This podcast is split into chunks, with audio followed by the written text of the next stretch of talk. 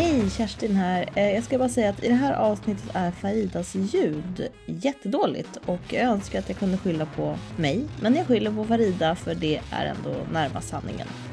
Vi kör ändå. Nu kör vi. Hej och välkomna till eh, dagens podd. Som som vanligt består av Lukas Nilsson. Hallå? Hallå ja. Hallå ja. Farida Alabani. Nej men tjenare. Nej men tjenare. Och så jag, Kersti Janmar. Och vi brukar ju börja liksom någonstans. Uh, uh, vi brukar börja med att jag nyser. Prosit. Prosit. Tack, tack. Eh, vi pratar ju mycket om insikter i den här podden och sådär. Eller insikter, ja. Det kan ju bli lite för mycket av det, så jag tänkte fråga er, vad har ni för utsikt? Och vad, gill, vad gillar ni? Gillar ni utsikt eller gillar ni liksom icke-utsikt? Lukas? Oj vad spännande, jag var liksom 100% säker på att du skulle säga vad har du för avsikt? Så jag bara såhär, oj vad har, jag ja, vad har jag egentligen för avsikter? Det är en skitbra fråga att starta varje samtal med. Nej men jag har utsikt över, eh, nu pratar jag om min fysiska utsikt här från Ja. mitt, eh, mitt eh, liksom hemmakontor snedstreck lounge snedstreck vad fan det nu är eh, jag sitter Mm. i. Mottagning. Eh, ja, mottagning. eh, då sitter jag och tittar ut över en väldigt grå, typisk grå Malmö-innergård, så här väldigt februarigrå. Eh, och där står ett antal träd. Och rolig historia. Eh, det blåste ganska mycket i Malmö för några veckor sedan. Det var så storm och det utfärdades varning och bla bla bla. Och hela, det, hela den helgen så satt jag liksom i ett långt liksom helgmöte.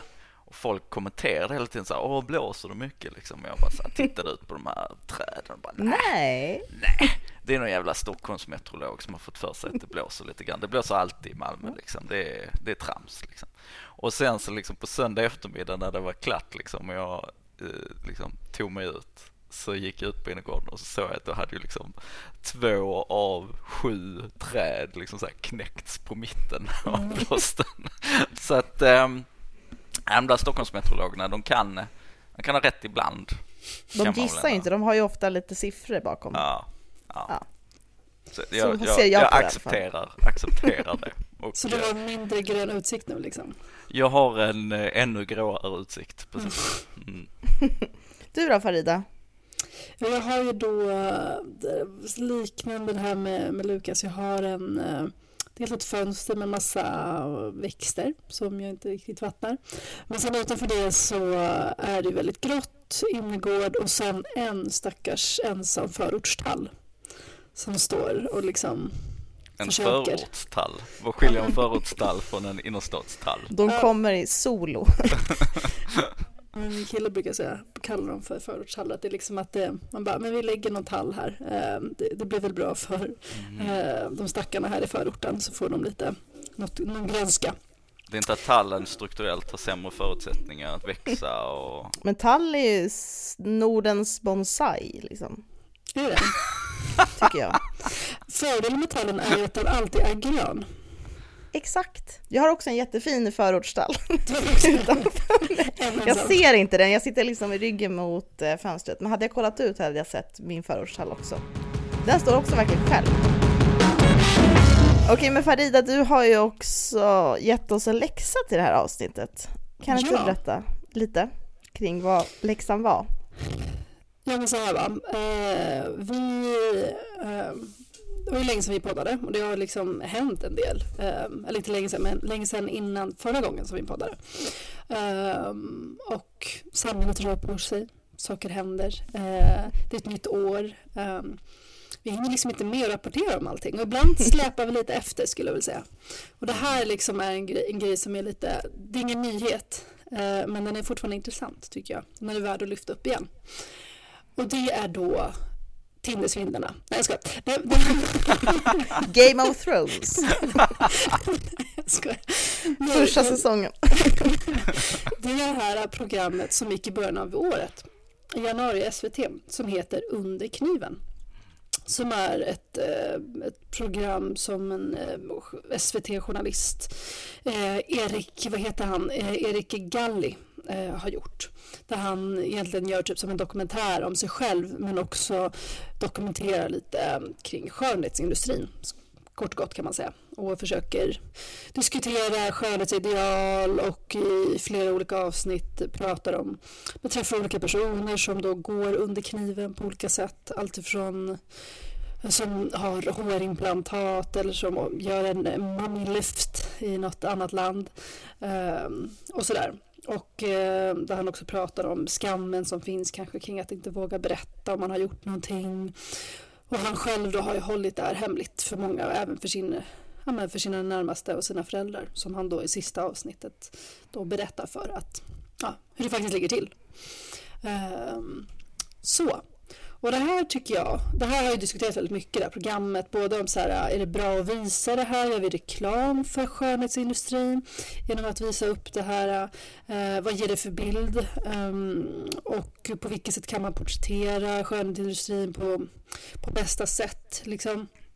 Han gör det också väldigt från ett personligt perspektiv där han pratar om sig själv men också ja, intervjuar andra och pratar om att, det, att vi inte i Sverige eh, har tillräckligt med data på hur många operationer som faktiskt genomförs. Um, vilket då kan, kan ses som ett problem, att vi inte ens vet hur, hur läget är. Och vi, man vet också att det är väldigt många som skadar sig av de här operationerna. Att det är ganska hög skaderisk, liksom, eller komplikationsrisk efter operationerna. Um, och det som har varit intressant efteråt är för mig att liksom läsa men efterspelen. Hur folk reagerar och eh, en del som hyllar och tycker är jätteintressant. Och andra som, som också då blir ännu mer arga på, på skönhetsindustrin. En del har skrivit just om att, att de är besvikna på att SVT inte tar allvaret, tillräckligt allvarligt på det här med skönhetsindustrin och borde porträttera det på ett, på ett ännu mer seriöst och, och sanningsenligt sätt. Eh, andra menar att ja, men folk får väl göra vad de vill och eh, eh, vi ska inte shamea folk och särskilt kvinnor då som man kanske många gånger tänker på när man tänker på skönhetsindustrin. Att det är liksom bröstimplantat eller annat. Och så, så, pratas det, så tycker en del att så här, nej men vi borde nog skiva mer eller vi borde berätta för folk mer om hur, vad som faktiskt, men det är inte okej. Alltså, nej du får faktiskt inte göra vad du vill. Eller, eller att det, du kanske får göra vad du vill men jag tycker faktiskt att det är okej. Skämmas. Du ska faktiskt skämmas. Mm. Mm. Gör vad du vill så länge du gör det du vill är rätt sak. Exakt. För mig. Och då mm. tänkte jag ändå på er på det här. Både att prata, jag skulle vilja prata mer om just så här, det här senaste just kring eh, ska vi moralisera mer eller inte kring, kring skönhetsindustrin men kring också andra saker. Vad, hur prata mer om moralismen och dess plats och inte. Är vi för snälla och bara låter saker gå, liksom att folk får göra vad de vill och, och så. Eh, för att sen är det också så att det handlar inte bara om att låta folk göra vad de vill utan att folks beteende och konsumtionsmönster och sådana saker är också styrda många gånger av alltifrån social, bilden vi får i sociala medier men också industrier och skönhetsindustrin. Ja, I ordet finns ju liksom industri. Det finns ju många som har ett ekonomiskt intresse av att vi faktiskt gör de här operationerna. Eh, man ser liksom på, är man inne på Instagram så är det väldigt lätt att det kommer upp sådana bilder som visar före och efterbilder och liksom för att påminna en om att men det går faktiskt att förändra och det här, och det här är någonting som många exponeras för eh, i sociala medier. Och där det inte bara är från privatpersoner som berättar utan att det finns liksom eh, eh, privata aktörer som vill påverka vårt eh, beteende helt enkelt. Och det här kan man då likna vid andra saker som vi också har berört i den här podden kring eh, andra industrier, alltifrån cannabisindustri till alkoholindustri eh, till tobaksindustri bland annat som, som gör samma sak men där kanske kritiken inte alltid är likadan. Man kan tycka att så här, ja men där får man väl göra vad man vill eller att, att så här, ja i slutändan så, så är det individens val. Um, men här kan jag, kan jag ändå tycka att så här, en del menar att så här, ja, men skönhetsindustrin har ett ansvar eller um, personer som, som har plattformar på sociala medier har ett ansvar på vad de visar, och att de har opererat sig eller inte, att de ska vara ärliga med det. Andra tycker att de inte ska vara ärliga med det för att det kanske eh, visar på en felaktig bild. Ja, vad sjutton tycker ni om allt det här? Ingenting. Nej. Diskutera i smågrupper. Bikupa. Nej men jag tänker så här, det finns ju Lukas, kan du se liksom att det finns beröringspunkter kring just vad som, vilka frågor som dyker upp kring ansvar och förebildskap och jag tänker att hela den, det blir så, det finns ju många liksom beröringspunkter, dels på individnivå tänker jag så här, vad visar du upp, hur, hur framar du att du liksom ja, hur berättar du om din skönhetsoperation eller hur berättar du inte om din skönhetsoperation eller ja, Mm. Känner, känner, du, tycker du att det finns en koppling liksom? Nej, men jag tycker att det finns liksom jättemånga paralleller till alkoholnormen och alkoholkulturen. Jag tänker att skönhet i sin grund skulle jag, skulle jag ju definiera som ett slags socialt kapital.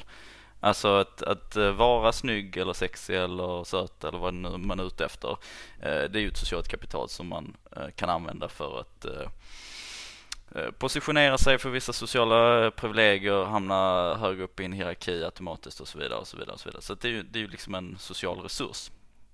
Och alkohol, det alkoholkulturen, alkoholnormen handlar om är ju, eh, liknar ju det i att det också är liksom handlar om en social resurs. Alltså att vara en del av alkoholnormen är att tillskriva sig liksom en, ett socialt kapital, att, eller snarare att stå utanför alkoholnormen är att skriva från sig ett socialt kapital Eh, och att liksom delge sig i alkoholkulturen på rätt sätt är också ett sätt att liksom eh, spela det sociala spelet och nu låter det liksom väldigt cyniskt och utstuderat men, men på något sätt det är ju det, är ju det man gör. Det är ju liksom det är ju där man bygger relationer det är där man liksom kan finna varandra.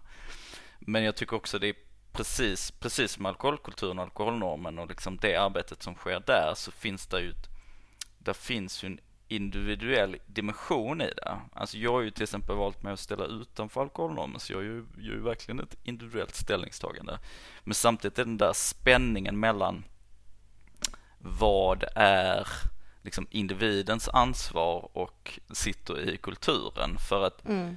eh, till exempel den här under kniven då, jag, nu har jag bara sett ett avsnitt här men, men eh, jag tycker det, alltså så här, jag beskyller, jag, jag vill inte skuldbelägga någon för att de gör åtgärder i sitt liv för att höja sitt sociala kapital.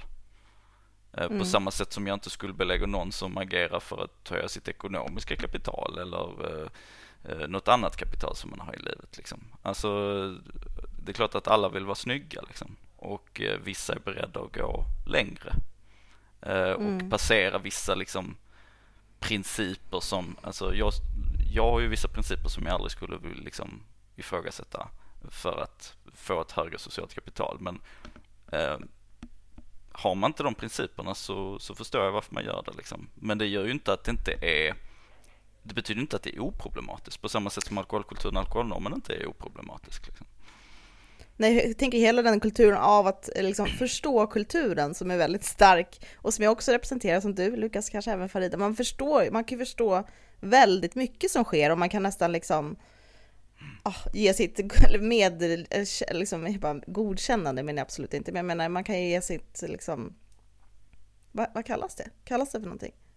Medgivande kanske? Medgivande, men man kan ju förstå så, ah, men med, med allt det här som har hänt dig så kan jag förstå att du hamnar här eller att du tar de här besluten eller Alltså alla människor har ju en historia som är liksom eh, en stig som går att följa och man kan förstå varför den ledde fram. Mm. Men, det, men som du säger så finns det ju någonting att det fråntar ju inte på, på något sätt eh, liksom eh, anledning till att ifrågasätta eller kanske till och med begränsa den delen av samhället som just gör att den personen leder dit. Eller, mm. För jag tänker att mycket av det här handlar ju om, så jag tänker också typ om alkohol eller andra substanser som är lagliga i andra delar av världen, handlar om ett utbud. Det är det som är så här läskigt tycker jag. Bara, vad, vad erbjuder samhället för utbud just nu för de här känslorna som vi har som människor? Bara, ja, men, mm. Jag är socialt rädd, jag, är, jag tror att jag är blyg, jag tror inte att jag är rolig. Ja, men då finns det ett utbud för dig. Vi har de här dryckerna som vi förknippar med sociala sammanhang eller att liksom, ta del av kultur. Då kan du också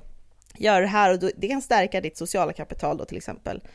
Eller typ, men det är ju det som är så läskigt när det blir på något sätt ännu läskigare när man ser en skönhetsoperationsindustri. Jag vet inte, skönhetsindustrin är väl också väldigt manipulerande av utseendet, men just när man börjar liksom med kirurgiskt och sådär, det blir så himla... Det finns ju någonting som att, att se en människa blöda liksom fysiskt är ju så mycket starkare än att tänka att den blöder inombords av olika så här, identitetsfrågor liksom. Men just frågan om utbud tycker jag är läbbigt. Mm. Att så bara, ja, men är, liksom, är det utbudet som kommer styra hur vi lever våra liv? För då är, har man ju liksom gett gett alla industrier alla möjligheter att skapa en stor, stor marknads, marknad bara helt enkelt. Eller hur tänker ni? framförallt, ja men jag tycker det ligger mycket i det och framförallt om man tittar på, om man tittar på skönhetsindustrin specifikt så är det också en självuppfyllande profetia, så det är en spiral som fortsätter uppåt för desto mer folk liksom lägger in i att vara snygg på olika sätt, desto liksom mer börjar eh, kuggarna gå, desto mer vikt lägger folk vid att vara snygga, desto viktigare är det att vara snygg och så vidare och så vidare och så vidare.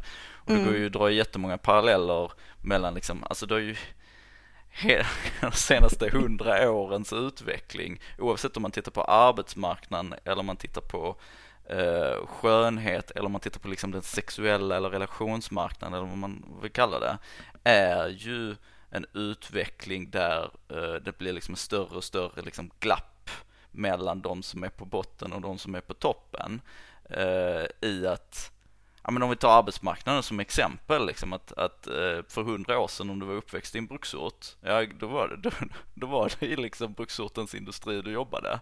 Eh, och då var det liksom, det, det, fanns liksom inte så många alternativ. Men i den liksom globala arbetsmarknad som vi har nu så är konkurrensen väldigt mycket hårdare eh, och för de som liksom lyckas konkurrera på den marknaden så, så är det ju stora, stora framgångar. Men för den här personen som är uppväxt i en bruksort där industrin har lagt ner så finns det inte så mycket liksom, alltså det, det är svårare att konkurrera liksom som okvalificerad arbetskraft och på samma sätt har det skett på den sexuella marknaden liksom.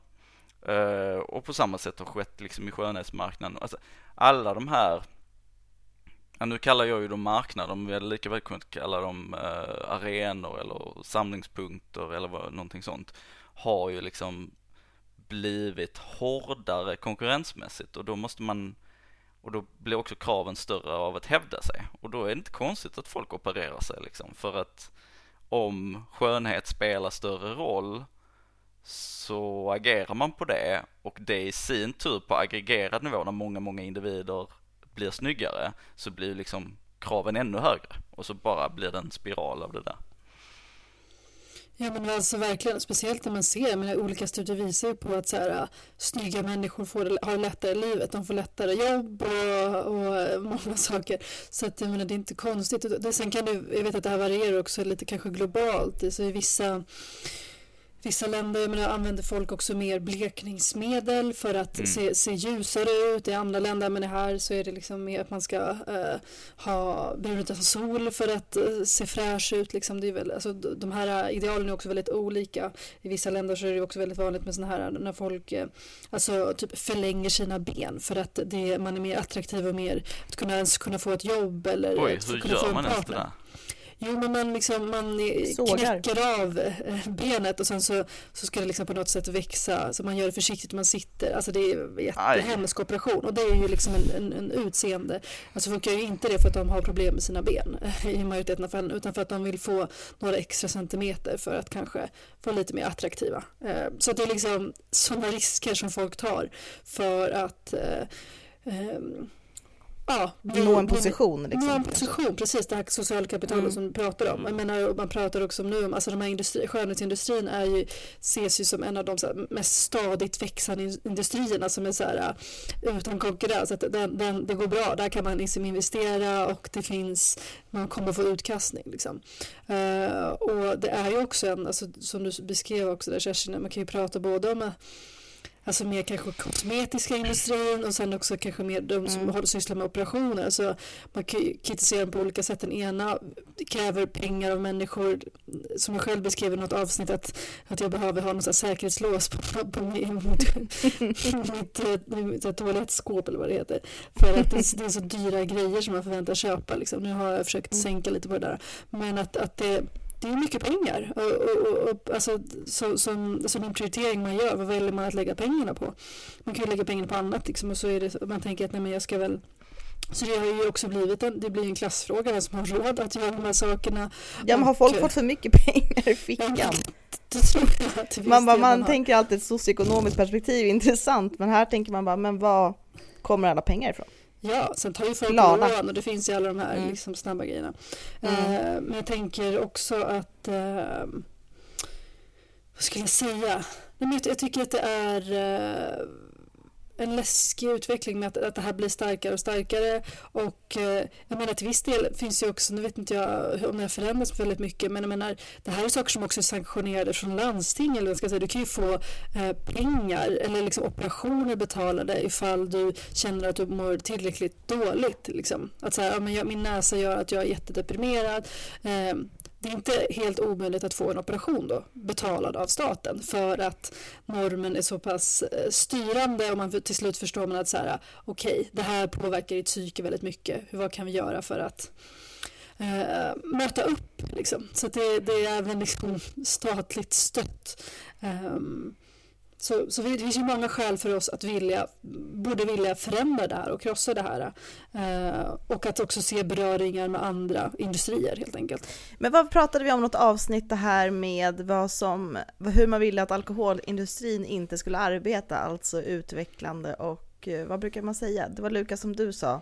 Vi pratade ja. om att det var en, en politiker som hade varit ute och sagt så här, vi måste, vi måste mi minska på eller den nuvarande svenska alkohollagstiftningen hindrar innovation på alkoholmarknaden. Just. Och då var jag så här typ, ja, det är det som är poängen. Vi vill inte ja. ha innovation på en marknad som vi har liksom eh, identifierat som, som liksom så okej, okay, vi kanske måste ha den för att uppenbart vill folk dricka alkohol, men vi kanske inte ska liksom släppa lös alla de här positiva effekterna av en liksom vad som är en positiv effekt av en marknadsekonomi när det gäller att producera bilar eller jeans eller bord eller vad, fan det nu, vad man nu kan göra.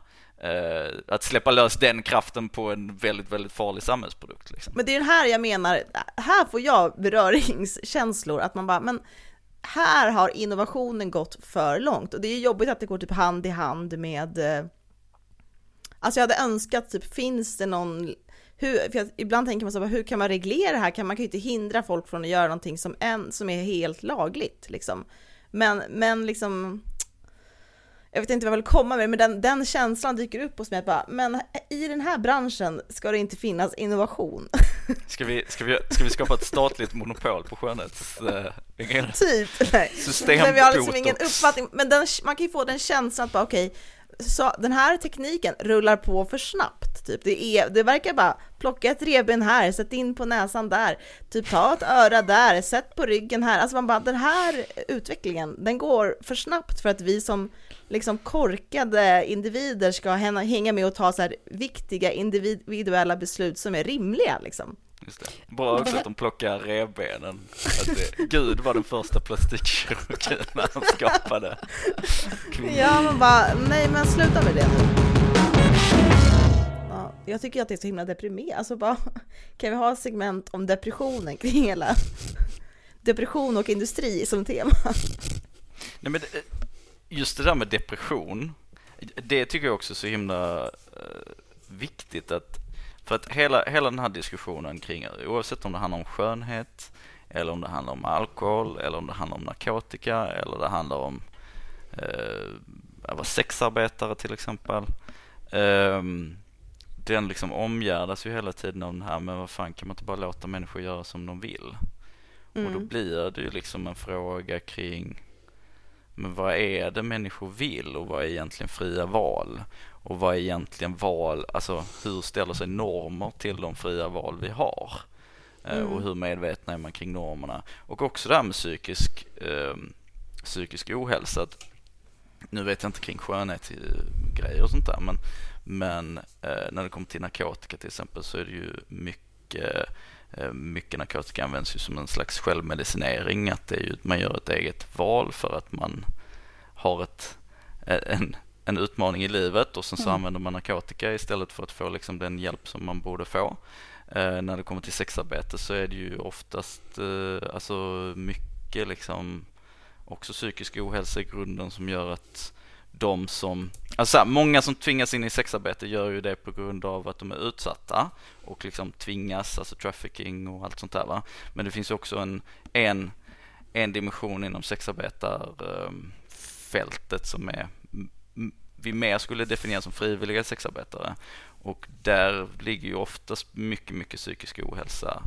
Eh, naturligtvis inte hos alla, men hos många. Liksom. Eh, och då är det också så här, ja hur mycket är ett eget val när man har någon form av liksom, mindervärdeskomplex liksom, liksom mm. som, man, eh, som man kompenserar genom liksom, att sälja sexuella tjänster och därmed få någon form av bekräftelse liksom, av det. Eh, ja, det, det, det, är inte så jäkla lätt det där med fria val egentligen. Mm, mm. Och det är samma sak med, nu, jag, ingen aning kring vad gäller liksom plastikkirurgi och så vidare, hur mycket liksom som ligger där. Men, men i grunden, det är inte nödvändigtvis psykisk ohälsa, men vad som väldigt tydligt ligger i grunden är ju väldigt skeva skönhetsideal och en känsla av att aldrig vara snygg nog liksom.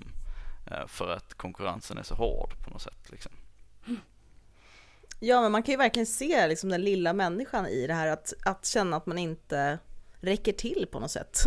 Det, mm. det är det man det man, man föds ju på något sätt som barn, som en liksom eller jag tänker bara, när jag fick se mina barn, så tänker jag bara, ja oh, det här är en perfekt produkt. bara den här är liksom, nej men jag tänkte bara, många föräldrar känner nog bara, ah, men gud det här är den bara, här kan... genetiska uppsättningen, den är, är nej men liksom bara känslan att bara, det här är liksom ur ja men ni förstår, det här är första upplagan av en produkt som känns jävligt bra liksom. Och sen att se den lilla personen möta samhällets normer kring vem man ska vara, hur man ska se ut.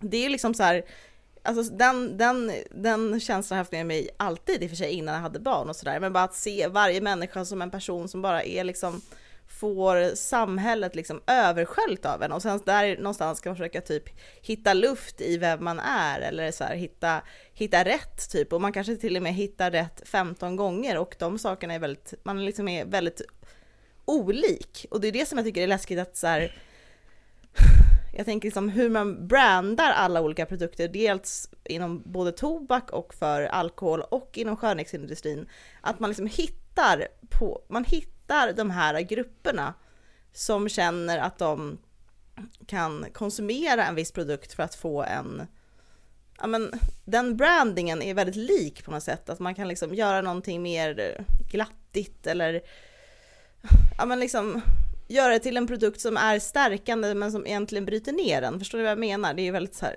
basic. Men, men den känslan är så stark när man ser liksom alla människor som ett barn på något sätt. Man bara från början har du varit ett revben gud.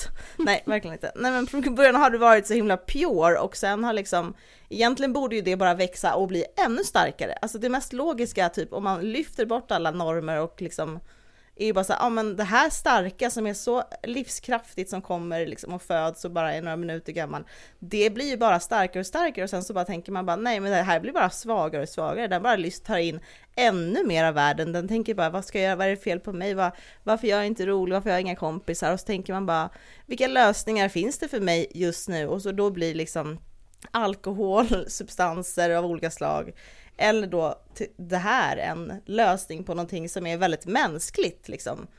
För att jag tycker att apropå om man såg några fler avsnitt av den här serien då, under kniven som vi tog avstamp i är ju liksom att alla känner en liten osäkerhet och när jag var liten en gång så sa de att jag hade en finne liksom i pannan. Man bara ja men det, förlåt men det händer ju en del av att leva att någon kommer säga att du ser konstig ut på något sätt. Det liksom går inte att skydda dig från det.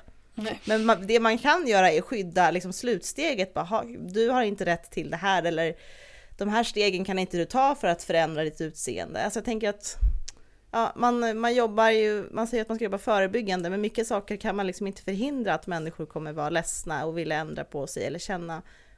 Men man kan ju på något sätt vid slutsteget i alla fall fånga upp en del liksom Eh, det här är ju alltså inga raka politiska förslag som du märker, utan det är en rant kring hur, ja men känslan man får av det där att bara, ja.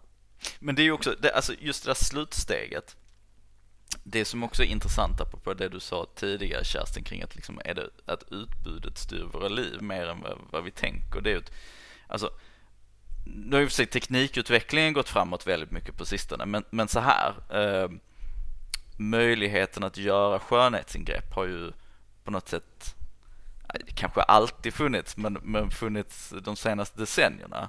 Men vad som har hänt under de senaste 5-10 åren är ju att alltså glappet, alltså hur lätt det är att ta steget in i att göra ett ingrepp har ju liksom sugits Mm. ihop och blivit eh, väldigt, väldigt mycket mindre. Så innan har det, alltså eh, valet har ju alltid funnits där, men nu är det ett mycket, mycket närmare val än det var tidigare. Alltså tillgängligheten, alltså vad ska man Den säga? har ju verkligen ökat. Ja. Tillgängligheten rent ekonomiskt ökat, jag förmodar att det är billigare nu än det var förr, jag vet inte Mm, men jag gissar det.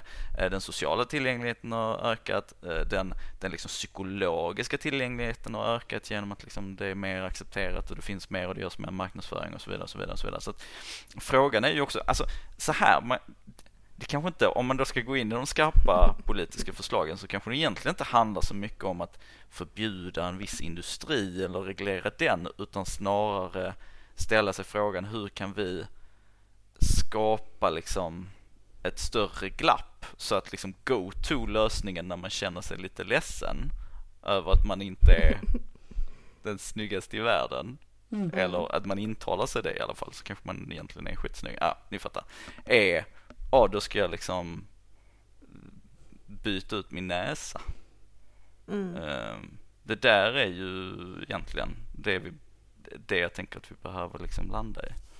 Ja, det var ju ett av avsnitten var det också en, en tjej som var 17 år som var med och som berättade liksom att så här, hon skulle, hennes föräldrar var också med på det, men hon hade bestämt sig att men, så fort jag blir 18 då ska jag operera min näsa. Liksom, hennes föräldrar tänkte att så här, men hon, det här tror vi hon mår bra av, hon har tänkt på det här länge, det är inget förhastat beslut och därför så stöttar vi henne i det här. Liksom. Mm. Eh, samtidigt som man går, som jag nämnde här kring, kring landstinget, man, finns en sån fråga som jag läst där en person skriver att så här, jag mår väldigt dåligt kring min näsa, jag undrar liksom hur, har gjort liksom mått dåligt länge, finns det någon möjlighet för mig att få, få det här betalt av, av landstinget eller regionen numera? Eh, och då är det liksom en, en sjuksyster tror jag som, sjuksyrra som svarar och beskriver just att, att så här, har du jobbat med din självkänsla, hur går det med den? Typ? För det, det är en ung person som svarar. Mm. Eh, eller så, som, som ställer den här frågan. Och att, att det kanske man mer kan säga till unga personer att så här, nej men det är där det brister, att, att nej du är tillräcklig liksom. Men ju äldre, det är som att så här, när man blir äldre så bara, nej men det kanske det är klart att du har din självkänsla, jag ska inte kritisera den. Det är, du, Ja. det är inte din självkänsla utan det är något annat, du vill bara liksom göra det här. Eller du som många säger att, ja men jag har svårt med andningen, det är bara andningsproblem, det är därför jag gör det här. Mm. Inte något Mm. annat liksom. Ehm, men jag tycker att det, eh, att det är sorgligt att eh, att vi också på något sätt accepterar att, att eh, ja, men som, som en del också gör samma sak till exempel med, med eh, personer som vill operera sig efter att de har fått barn. Eh, mammor då, att så här, man tycker att ja, men jag förstår, men dina eh, brösten är inte, är inte som de var förut eller magen är inte som den är förut. Så att, eh, det, det är förstående. Och att, så här, jag, jag var naiv när jag var ung och tänkte att nej, men jag ska aldrig göra det där för nu förstår jag hur det är. Liksom. Men jag Alltså, tänkte verkligen på så här, allt det där handlar ju om så här, alltså man vill ju verkligen inte låta som någon eh, tråkig person. Men det kan komma här nu att, Embracea Vad- din inre tråkmåns, Kerstin. ja men liksom, vad finns det för realistiska förväntningar på olika delar av livet? Tänker jag så här, vad tänkte du Alltså jag tänker bara hela den här, nu börjar jag i fel ände, men så här, hur, hur man ser på ålderdom till exempel, eller Mm. att vara med om en graviditet, eller att vara med att man fyller år varje år, eller så här, att man bara att liksom framtiden på något sätt, den realistiska framtiden som faktiskt kommer mot en hela tiden, den är alltid väldigt lång- långt bort. Man pratar liksom om våra äldre, man bara, men våra äldre, de, alltså våra äldre kommer jag ju kunna säga när jag är 85. Alltså Mm. just ordet äldre är ett, bara ett tecken på att vi inte har ett ord för att vara äldre. Alltså äldre är ju liksom felböjt. Liksom. Ja men det är liksom felböjt från början. Man bara, nej men äldre, alltså när man blir äldre, eller de äldre, liksom, man bara, men eh, det säger ingenting om vad det är, vad det är för grupp, att du menar vuxna liksom. Obs ska jag säga, 100% känner mig fortfarande som ett barn, så att jag vill inte säga, jag är en del av den här Det är därför du kulturen. bryr dig så mycket om barn. Exakt. Det är bara mitt eget perspektiv. Nej men jag bara tänkte så här, vad finns det förväntningar? Bara, men okej, om du ska bära ett barn i kroppen och den, din mage töjs ut liksom 5, 2, 25 centimeter ut, 30 centimeter.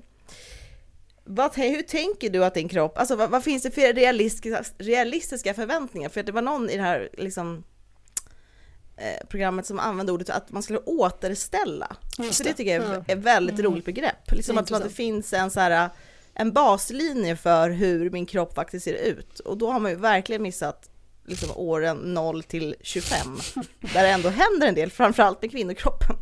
Nej men så man bara, Så, ja, men, så din baslinje är, du menar exakt då liksom? Eller så här, den, eh, den kulturen är ju väldigt obehaglig på något sätt. Mm. Och man kan dra större växlar på det, man bara, är det barnkropp? Alltså så här, vill du liksom för, för liksom i skö, skönhetsindustri förr i alla fall, förut kunde man ju aldrig se liksom eller modeller och så här, 90-talet var väl verkligen typ så här smala, smala tjejer liksom. Nu kan man ändå se någonting annat som inte bara är en smal, smal tjej. Så att där har det också uppenbarligen hänt någonting. Men det finns mm. ju fortfarande ett ideal om att liksom baslinjen i ens kropp är någonting som man liksom aldrig har haft som vuxen på något sätt. Så det finns ju ingenting att återställa, du kan liksom inte återställa din kropp när du var 25 när du inte har fått dina tre barn. För att du har liksom inte, jag vet inte. Jag kan bara så här, jag vill inte bli för biologistisk, men jag har svårt att tänka mig liksom att en, man skulle känna det behovet hos en liksom en, eh, en noshörning som man haft på zoo. Och bara, ska du, ska du bara, nu har du fött dina kullar här, de överlever ju aldrig på zoo, de här barnen. Men, eh, du, men du, du ska vi återställa dig för att du ser inte ut som en bra noshörning. Alltså man kan bara, för det blir helt absurt att tänka så. Men folk är som typ. återställa dem. Nej men bara så här, räcker det inte att klippa sig eller liksom Ja, alltså jag kan verkligen få obehagskänslor av sånt språkbruk. Sen kanske hon, alltså jag, jag är också väldigt, eh, det är liksom en produktion och den är klippt och man får svara en gång så allting som alla säger där är liksom inte hugget i sten såklart. Men så här, bara den kulturen av att det finns någonting att återställa. Man är liksom inte Macbook liksom. Man är bara, det finns liksom ingen, det är inte så livet ser ut. Du är äldre liksom. Eller? Men, ja. Men det, ja. Alltså, för att det jag på något sätt också återkommer till i hela den här diskussionen är ju Alltså var drar man gränsen på något sätt? Alltså var drar man gränsen mellan vad som då på något sätt ska vara snygghet och estetik är ju liksom, man positionerar sig på en skala och den är skalan är relativ och bla bla bla och allt det där va. Men, mm. men det är ju ändå en skala eh, och eh, var går gränsen för när någonting blir liksom en problematisk skönhetshets som skapar liksom negativa konsekvenser för världen runt omkring och för samhället i sin storhet? Är, är det liksom, är det, okej okay, om vi säger så här, kirurgiska ingrepp, det är problematiskt. Men eh, tandblekning, mm. köpa ny klänning, eh, operera ögonen för att slippa Ny, ja. ja. det är ju liksom ännu längre ner, men så här, tandblekning, eh, hårtransplantation, eh, operera ögonen för att bli av med mm. glasögon. Eh, alltså, mind, alltså fortfarande någon form av liksom ingrepp men mycket mindre liksom grovt eller man ska säga. Mm. Eh, går gränsen där? Går gränsen vid att klä på liksom, sig. smink, att klippa håret, att klä på mm. sig. Alltså var, var sätter vi på något sätt om vi nu ska moralisera lite och, och, och tänka att ja, men, eh, skönhetsingrepp det är, det är fan inget bra för att det skapar liksom en, en osund skönhetskultur som inte är bra för, för varken individen eller samhället. Var, var går gränsen för det moraliserandet på något sätt? Liksom? Nej, det är det jag, som är så himla inte. svårt. Alltså, Också, så här, grunden liksom. är att man bara vill att alla ska bara ha det så bra som möjligt, liksom, med det som finns på något sätt. Men där, och, där är det ju så det är därför, det är därför, därför tycker jag det är svårt att sätta gränser kring liksom, man kan ju känna, alltså jag pratar hela tiden om att det känns deprimerande, men det blir som att det, det är ju bara slutprodukten på hela det där ledet. Typ längst, längst bort så är det så här bara, aha, är det här vi måste mm. hålla på, och få, på med för att fungera i grupp? Så bara, eller behövs egentligen någonting annat i livet på något sätt? Jag tycker det är, alltså det, jag, det sätter ändå fingret på att det finns ju liksom inga ja, det, är inte enkelt liksom, eftersom människor håller på med det. Nej. Nej, och jag tänker att om jag liksom drar parallellen till alkoholnormen och alkoholkulturen, där har ju jag personligen satt gränsen vid noll. Ja. Så här, hela skiten ska liksom ja. tas avstånd från. Men att göra det vad gäller skönhet, vad ska sluta, sluta liksom Ska jag gå tillbaka till min liksom högstadieprofil som var jag vägrar vara snygg så därför köper jag bara kläder på, ja. på Citygross liksom. Det kan som vara var något. ju min, min, mitt statement liksom. Men det, för det jag tänker att det kopplar till, alltså så här, när jag, jag typ brukar ofta vilja kalla mig för så här, en frihetsförespråkare eller liksom en frigörelse för, för, för människan. Liksom. Jag inte säger, som vi har snackat om där innan liksom, och det kopplar väl an till det att så här, vad, vad vill vi? Vi vill att folk ska känna sig att de är frigjorda, eh, att de kan ta egna beslut, gärna helst. Eh, och idag är ju väldigt mycket så att säga, både att, menar, normerna är väldigt olika, som sagt som vi nämnde innan, globalt, så folk gör ju olika saker, eh, vilket bevisar att, att vi har inflytande på olika sätt. Eh, men också att eh, jag menar, målet är väl att, att känna att, att man inte är, vi kommer ju aldrig kunna leva i ett samhälle där vi inte är styrda av någonting. Alltså, det är väl också tankar, vi måste ju liksom på något sätt påverka varandra för att så här, men vara lite snällare för att, att men, vissa normer som då pratar om, men, det är nog schysst om du skakar hand eller om du kramar mm. eller liksom olika saker. Och så finns det saker som är så här, ja fast det där kan vi nog leva utan för att det har ju också visat sig ha negativa konsekvenser liksom, eh, för personen eller sådär. Alltså, Sen kan ju det skilja sig liksom från, från person till person men jag kan tycka att vi kan liksom eh, våga eh, gå in i de sakerna som vi vet både påverkar oss ekonomiskt och eh, eh, leder till depression eller annat.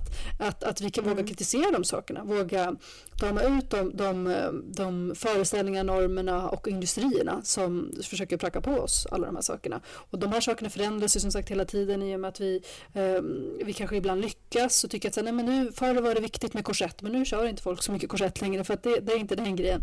Men så kanske så kom det liksom andra lösningar. Eh, stor rumpa mm. istället. Liksom. Så det förflyttar sig ofta till andra saker. Men man vill ju väl helst att, som jag ibland kan känna med, med alkohol eller med annat, att, man, att folk bara ska känna att så här, nej men vänta, eh, är det jag som styr eller är det någon annan som styr? Att så folk ska i alla fall ha den medvetenheten och den skulle vi säga inte alltid finns Men det vore ju kul med liksom rörelse som typ spola kröken fanns eller typ den här rör inte min kompis, kommer ni ihåg den? Handen. Rör Tänk om det fanns så bara, rör inte min kropp. Jag hade gått igång på det tror jag på gymnasiet, högstadiet, att liksom köra en sån pin. Jaha, men hallå, har vi kommit fram till segmentet nu som vi kallar för uh, veckans bubbel? Just det, det är ju en ny segment. Exakt. Lukas. Lukas, vad tycker du att det borde bubblas mer om? Veckans bubbel. Ja, veckans vad är bubbel. ditt veckans bubbel? Veckans bubbel för mig är jag tycker det borde bubblas mer om vikten av att vara snäll. Jag tycker att det är en väldigt underskattad eh, personlighetsdrag. Det pratas mycket om typ så här, ah, det är roligt, det är roligt när folk är roliga eller eh, när de är smarta eller när de är eh, liksom, ja, vad, vad man nu kan ha för bra personlighetsdrag. Men det pratas för lite om folk som är snälla. Vad, och vad är snäll för dig? Men snäll är att vara så här, så, det, det är liksom, det är inte riktigt att vara omtänksam eller så, utan det är bara det här med att vara liksom genuint så här, inte bry sig allt för mycket om en själv i relation till andra typ. Jag tycker att det är, en så himla, det är ett så himla bra personlighetsdrag och det är Alltså då, snälla människor får liksom alldeles för lite kärlek och alldeles för lite respekt och lyfts upp alldeles för lite. Så att jag tycker att det borde bubblas mer om snällhet i samhället. Och vägar till snällhet. Folk kanske behöver guidning. Mm. Det är det som kan uppstå i de här samtalen. Vi behöver liksom fler snälla förebilder också tror jag. Det räcker liksom inte med Bamse. Vi måste ha fler. Nej, men Bamse Vux, är ett kapitel för sig. Vuxna snälla förebilder behövs. inte nallar. Mm. Eh, okej Farida, vad är ditt bubble? Mitt bubbel? Men det är ett gammalt bubbel, men jag tänker att jag tar tillbaka, eller liksom inte härifrån, men ett, en spaning från förr. Och det är, ehm, på tal om eh, det här med snällhet, eh, ett sätt beteende, så tycker jag också att, att um, seriositet är någonting som så här, du vet man är, man är med några vänner, kanske snackar och hänger liksom. Och så kan det lätt bli så här, men gud det blir för seriöst fokuserar så ofta, men gud, nu vart det för seriöst. Kan vi inte bara lätta till det? Det ska vara liksom lättsamt. Uh, jag kan oftast kanske, jag tycker om och kan lätt hamna i det träsket att uh, bli seriös. Liksom, för att så här, man kommer med någon stor fråga eller så och så tycker folk bara, oh, det här, vi, vi ska väl bara chilla. Liksom. Men också även i samhället i stort, att det, det är mycket fokus på, på många gånger på, okej okay, nyheter kanske är en sak, liksom, men annars är det liksom, vi ska, det är nöjeskonsumtion och det är liksom så här, men så här seriösa saker det kan väl också vara för att vi är så deprimerade kring att vi inte är tillräckligt snygga, liksom, för att vi vill bara ha glada saker. liksom, eh, jag tycker att, att eh, ja, men ge mer rum för seriositet och st stora saker, stora frågor, alltifrån eh, liv och död till kärlek eller annat, att så här, våga prata om det på ett seriöst sätt än att det ska vara eh, skämtas bort mm. hela tiden. Jag älskar skämt, jag älskar humor, jag har själv hållit på med stand-up, men jag tycker att det behöver inte vara med hela tiden. Um, Mm. More serious talk. Snälla seriösa. Mm. Nu måste du ha en på S, Kerstin. S... Sexiga. Sexiga. Mer sexigt, eh, snällt, eh, seriöst och snällt sex. Nej men det kan eh, passa in på det för jag har tänkt så här bara, jag tycker att det pratas för lite om hur man ska lägga upp sin fritid. Eller pratas för lite kanske är fel. Jo men alltså själva upplägget för fritiden mm. och kopplat till konsumtion av liksom populärkultur. Mm. Jag tror liksom att var, det kan inte vara rimligt att titta på så mycket serier, förlåt, det är ju down i hela det här avsnittet. Men att kolla på så mycket serier, att ta del av så mycket kultur, framförallt drama, och sen när man liksom kollar på hur någon annan person lever, medan man missar hela sitt eget liv. Ja. Det, det, är en diskussion som jag liksom har med mig själv varje kväll då jag gör det här. I princip. Tänker bara, är det, varför finns det här utbudet för mig och varför kan jag inte säga nej? Eller är det här liksom världens tristaste förslag för att man har liksom alltid samlats och velat höra anekdoter runt elden och historieberättande. Men Man bara, men vill man, ville man det varje kväll? Sitta och lyssna på någon som bara pratar och pratar om olika anekdoter? Vill man liksom inte själv Alltså jag kan liksom höra mina två, liksom, eh, två personer på varsin axel här prata med varandra, men liksom Ja, jag önskar att man liksom pratar lite mer som han, inte handlar om liksom konsumtion på det sättet, typ så här, gå på teater, ta del av någonting. Men om man inte vill, ska ta del av någonting, vad kan man göra då? Det är väl det som är personlighet. En balans, tänker jag. Men samtalen kan ju upp, det finns ju saknas olika mm. samtal. Om snällhet, fritid och det mm. seriösa mm. i livet. Vi säger så. Vi säger så. Vi säger så. Mm. Okej. Okay. Uh, ha det fint Konsumera gärna det här då. Avsätt ett par timmar. Alla samtal ska inledas med Har du hört senaste avsnittet av Superknacka Folkförfattare? Det vill vi gärna. De sa, ja. Ja men vi hörs, hej då! Hej då! Hej då, hej hej hej.